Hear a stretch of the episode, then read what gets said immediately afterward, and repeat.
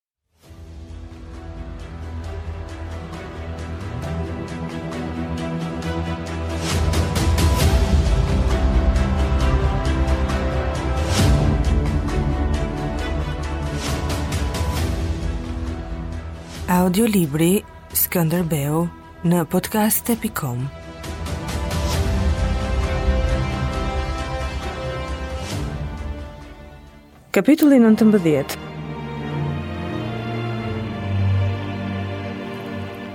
Kur u kthye Sultan Murati në Krujë, në Adriatik, pante Skënderbeun një shtyllë të mbrojtjes së tyre dhe në një rreth më të largët shtetet europiane që e quajtën aleat.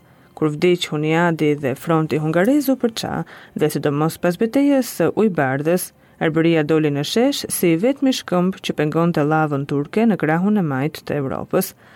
Kalorësi John of Newport, që kishte shërbyer në Krujë si komandant i një toge harkëtarësh anglezë gjatë shtegtimeve në Gjermani, Holandë, Francë e Angli, u shpjegoi oborreve të Europës mendimin e tij si kalorës dhe ushtarak.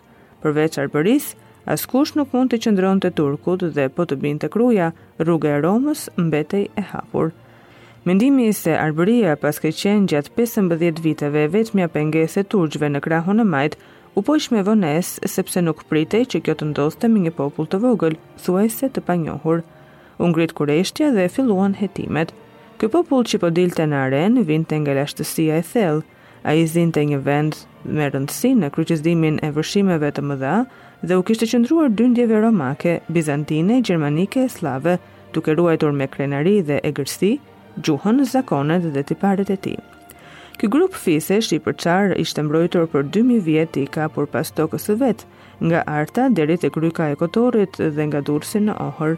Tani, nën Skënderbeun, edhe emri i përbashkët shqiptar Ky popull qëndronte rreth shkëmbit magjik të Krujës.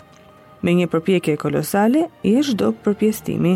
Kur Skënderbeu vendosi të kalonte detin, atij i paraprinte emri i vet.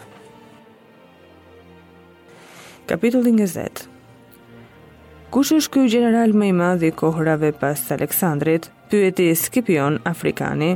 Piroja i Epirit u përgjigj Hanibali, Dhe pas këtij, pyeti Skipioni, unë, tha Hanibali, sikur të mos e kishte munduar asgjë. Piroja ishte hedhur në Itali dhe me 10.000 ushtarë dhe elefantë të tij që nuk njiheshin atje. Ai mbrojti tarantasit kundër romakëve dhe korri ato fitore të famshme, pastaj u hodh në Sicili dhe shkoi në Afrikë. Rreth Pirros, që ishte kapiteni i dytë pas Aleksandrit, Skënderbeu kishte mësuar diçka në rininë e tij të vrullshme në Edren. Më pas kishte lexuar një traktat që e çmonte Pirron si strategun e parë të përdorimit të njëkohshëm të kalorësisë, këmbësorisë dhe elefantëve dhe sidomos si kapiteni që përsosi vendosjen për mbrojtjen e kampeve. Bëj tokën të punojë për ty, thoshte Pirroja. Këto i shkruanin historianët e lashtësisë, Dionisi, Diodori dhe sidomos Plutarku. Tani që po niste fushata e Italisë, Skënderbeut nuk iu nda kureshtja për Piron. Në Itali, shumë njerëz e quanin madhërinë tuaj Aleksandër i Ri, tha një ditë peshkopi Blacio Delino.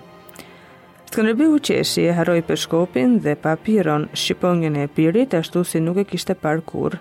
Ai shpejtonte hapin në një rrugë të qytetit Argos që të sundonte rrëmujën dhe çoi shtizën plot vrerë kundër një djaloshi që e kish sulmuar.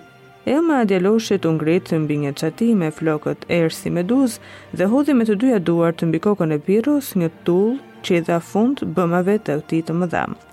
Skënderbeu do të nisej për në Itali me 2000 këmbësorë dhe 1000 kalorës të lehtë kundër një armiku të veshur çelik. Ai nuk kishte fuqinë e Pirros dhe as elefantët e tij dhe nuk po shkonte në ndihmë të tarantasve apo kundër tyre. Fushata e tij kishte qenë e përbashkët me atë të Pirros vetëm në një gjë, të dy ishin thirrur atje. Por Skënderbeut ia kishte ënda ngjasimin dhe nuk ndenji pa i shkruar princit të Tarantit, i cili ishte boshti i kryengritjes ndaj mbretit të Napolit. Në mos gabofshin kronikat tona, ne jemi epirotë, ne kemi qenë edhe atje dhe më parë dhe nuk kemi ndarë keq, ai Piroja im ka qenë pikërisht në Tarant. Ti je më i madhi kryengritës dhe ke tërhequr me poshtërsi dhe të tjerët në këtë valle. Ti je si gratë e përdala që kur plaken bëhen kodoshe.